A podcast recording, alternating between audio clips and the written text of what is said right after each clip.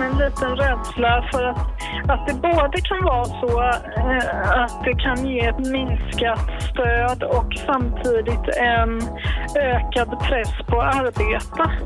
Också mm. samtidigt liksom för att då kanske folk tycker ja men du kan ju arbeta, du kan ju göra det där hemifrån. Hej, välkomna till podden Hur tänkte ni nu? Våran coronakarusell. Hej allihopa!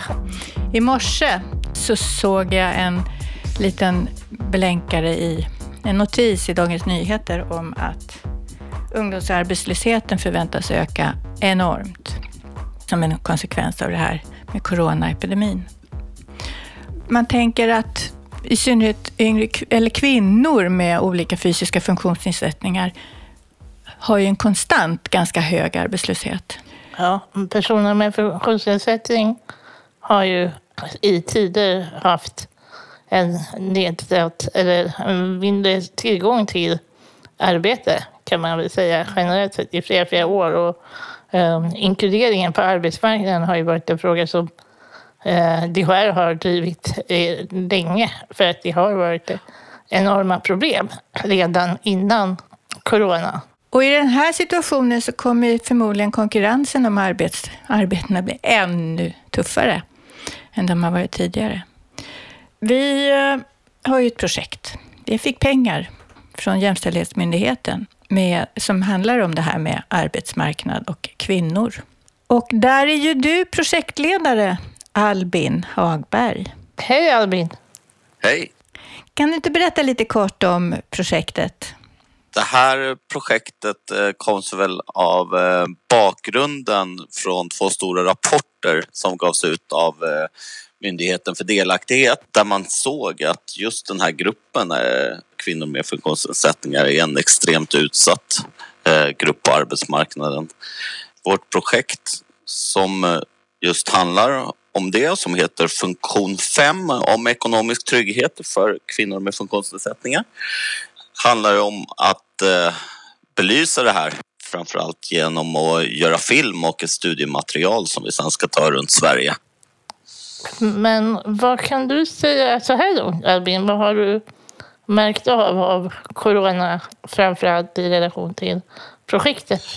Ja, nu målade ni upp en ganska dyster bild här och det är ju så det har sett ut tidigare på arbetsmarknaden just för den här gruppen att man, man blir dubbelt diskriminerad helt enkelt. Och på det sättet är det ett ganska speciellt projekt, jämställdhetsprojekt också. Just det att vi inte enbart fokusera på jämställdhetsproblematiken utan vi måste också titta på den diskriminering som sker mot de här kvinn, gruppen kvinnor för att man har just en funktionsnedsättning. Så vi måste på något sätt föra ett tvåfrontskrig så att säga. Däremot så försöker jag se en ganska positiv ingång i, i det här med krisen. För vi har också sett att det är någonting som händer nu hos många arbetsgivare under krisen här. Man hittar ganska snabba lösningar, ofta digitalt. Det här med arbete hemifrån och eh, osjälvvald isolering har de flesta av oss nu fått en, eh, en helt annan förståelse och erfarenhet själva. Eh, vi som inte upplevt det tidigare. Framförallt så tror jag att som sagt många av de hindren som har upplevts och som många av de kvinnor jag träffat har haft erfarenhet av just att eh, av en oflexi, ganska oflexibel arbetsmarknad där man har haft svårt att hitta en plats med eh, och där speciallösningar har sett som något omöjligt och håller på att ändra sig och det tycker jag är spännande. Varför är det just kvinnor som har funktionsnedsättning som har så svårt att komma ut i arbetsmarknaden, tror du? Det är en bra fråga, men jag tror väl att det hänger ihop med precis eh, det som jag sa, att eh, den eh, diskriminering som finns gentemot kvinnor har också inom tror jag, funktionshindersrörelsen varit ganska marginaliserad. Man har inte pratat så mycket om den här. Och det har också nog med att göra med att många delar erfarenheter om att först och främst bli sedd som sin funktionsnedsättning och det kan ju låta lite motsägelsefullt då att det är just kvinnorna som blir diskriminerade. det handlar ganska mycket om att man inte är en person, eller ett kön eller någonting, utan man är väl en rullstol eller en hörapparat eller, eller så. Man är sin funktionsnedsättning före att man är en människa helt enkelt. Men är det inte också så, tänker jag, eh, som allting som handlar just om intersektionalitet, att oavsett vilken diskrimineringsgrund vi pratar om så blir det som bara ett, en extra krydda. Liksom. Det blir ett en, extra allt på det du redan är. Oavsett om du råkar vara kvinna eller har en annan etnisk bakgrund eller har funktionsnedsättning så blir du bara liksom, du hamnar bara ännu längre ifrån och blir ännu mer marginaliserad än, än normen. Helt riktigt, Karo. Precis så är det. Tyvärr. Har du några, eh, några exempel på vad de här kvinnorna kan ha berättat med den utgångspunkten, att, att vara kvinna och ha en funktionsnedsättning och inte komma ut på arbetsmarknaden? Det är ganska många olika eh, historier men de har ett gemensamt eh, tema som sagt och det är att, att både vad det gäller skola och det som eh, gör att flickor och kvinnor i högre utsträckning hoppar av högre studier och så att säga är just den här oflexibiliteten vad det gäller att hitta lösningar och ibland finns det inte reglerat exempelvis vid eh, högskolorna utan det är hur man ska få ha rätt till att klara en tenta och vilken, eh, vilken hjälp man kan få och så vidare utan då kan det vara upp till en enskild examinator att bestämma på en kurs eh, vilken typ av hjälp man ska få på respektive kurs. Det blir väldigt personberoende, beroende på vem man möter då alltså? Ja, jag tycker att det är jättespännande. Vi har ju som sagt fört de här samtalen internt väldigt mycket på det här och pratat om orsaker och så. Jag vet att vi pratade om det för länge sedan med vår tidigare ordförande Karin Westlund som var väldigt engagerad i de här frågorna och kom just ifrån arbetsmarknadsfrågesidan i, in i sitt ordförandeskap. Och vi pratade väldigt mycket hon och jag om att den här typen av segregering börjar ju inte liksom egentligen med arbetsmarknaden, precis som Albin sa, utan den, den börjar ju mycket tidigare, redan i skola och kanske eh, tidig skola till och med, inte ens på universitet utan på gymnasiet eller högstadiet och där även frågor om könsdiskriminering oftast börjar också och särbehandling på grund av kön. Så att jag, jag tror att det ligger väldigt mycket i att identifiera de här frågorna långt tidigare.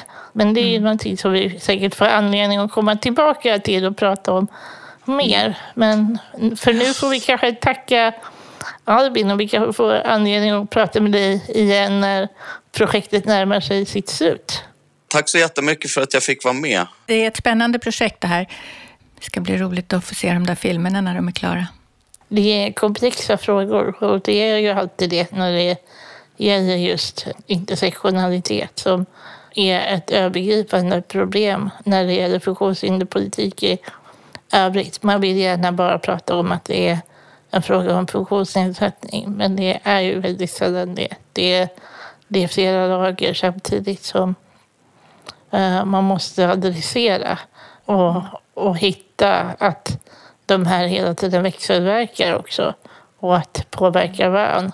Och, och det måste man som olika samhällsaktörer också erkänna och, och göra analyser kring. Alltså det som vi gör nu med det här projektet och med det andra arbetet inom funktionshinderpolitiken, det kommer ju egentligen, alltså det är ju liksom ett spår och det kommer, förhoppningsvis så kommer man nå många fler, men det är ju ingenting som vi liksom klarar med när projektet är färdigt, utan det är liksom någonting man måste jobba med oavbrutet hela tiden. Precis. Vi har ju eh, en person som faktiskt är med, som är liksom ett case i eh, projektet. Hej Angela Åkvist. Välkommen till podden Hur tänkte ni nu? Tack. Du är ju med i vårt projekt som en, ett case, om man kan säga så. Har du lust att berätta lite om det här med att vara mitt i en coronaepidemi och försöka ta sig ut på arbetsmarknaden? Hur är läget för dig? Ja, Eh, grejen är så här att jag fastnade redan innan coronaepidemin när det gällde att ta mig ut på arbetsmarknaden.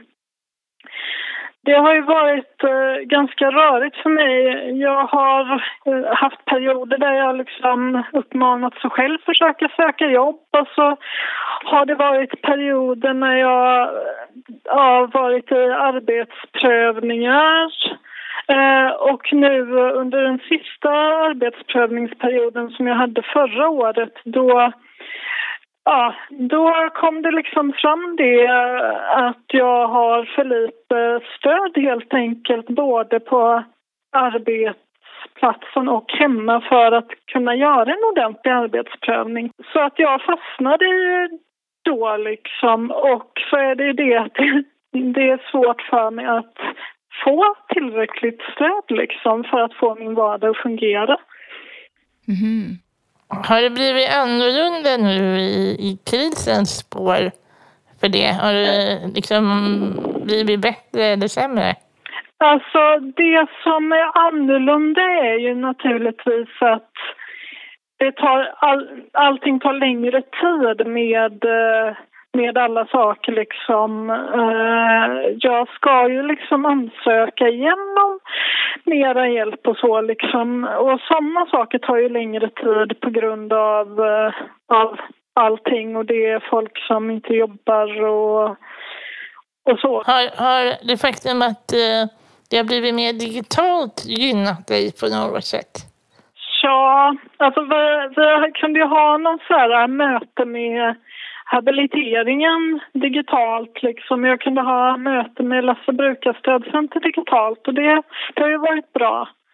Sen så är jag med i ett projekt som heter Creative Point och vi har ju kunnat ha lite, lite föreläsningar och så digitalt så det har ju varit kvickt för det, då har det ju också varit på sätt och vis lättare att eh, kunna ta del av de sakerna Eh, sen så tycker jag inte att det ena ska utesluta det andra.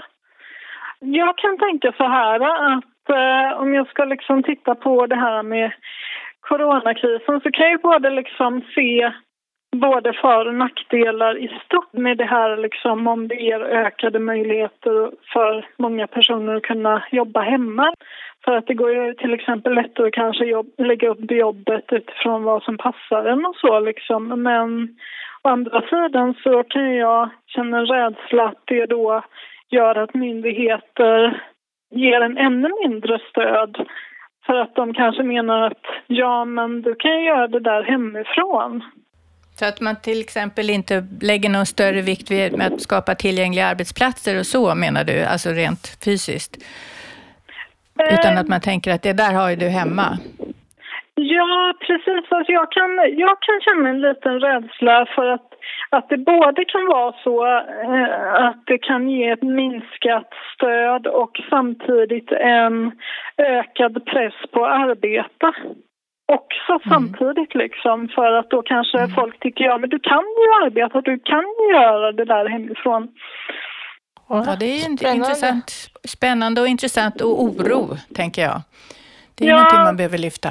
Alltså egentligen för mig personligen, så som min situation ändå ser ut. För att min situation är ju väldigt jobbig oavsett coronan liksom. Det som är är ju det liksom att saker tar, tar lite längre tid med, med att ansöka och sånt liksom.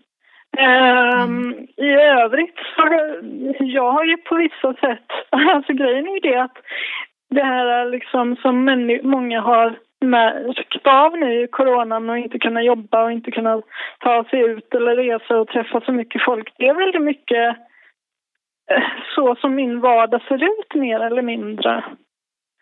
Alltid, um, annars också. Ja, mm. precis. Mm. Så jag är på sätt och vis van. Jag tycker inte att det är roligt för det utan nu är det ju naturligtvis så att nu har jag kunnat ta mig ut ännu mindre. Men å andra sidan så har jag också fått mera tid och kraft för att kunna ta tag i liksom mina, mina egna projekt, kreativa projekt. Då, liksom. Jag håller på och skriver och mm. på sätt och vis har det ju gynnat mig på det sättet. Liksom. Men, eh, Ja, men just det där som du pratade om, det har vi pratat om tidigare i poddavsnitt, just det där med begränsningarna. De är ju inte större nu än annars. Vad vi egentligen önskar är att fler kunde förstå hur det känns och hur det är. Exakt. Ja, spännande att prata med dig, Angela. Ja. Och vi kommer ju få se dig på film. Ja, intressant att få höra dina reflektioner också. Att, uh, ja, ja. Jag, jag, vet inte om ni känner till det, men jag startade faktiskt för två veckor sedan hashtaggen always in quarantine. Uh, alltså alltid i karantän. Men det kan ni jättegärna kolla för att Eh, jag startade det just för att uppmärksamma alla människor som lever i det här mer eller mindre för jämnan. Ja, men det ska vi kolla. Spännande. Kul. Men tack så jättemycket för att vi fick prata med dig, Angela. Och hoppas ja, att du får en trevlig sommar. Ja, tack detsamma. detsamma.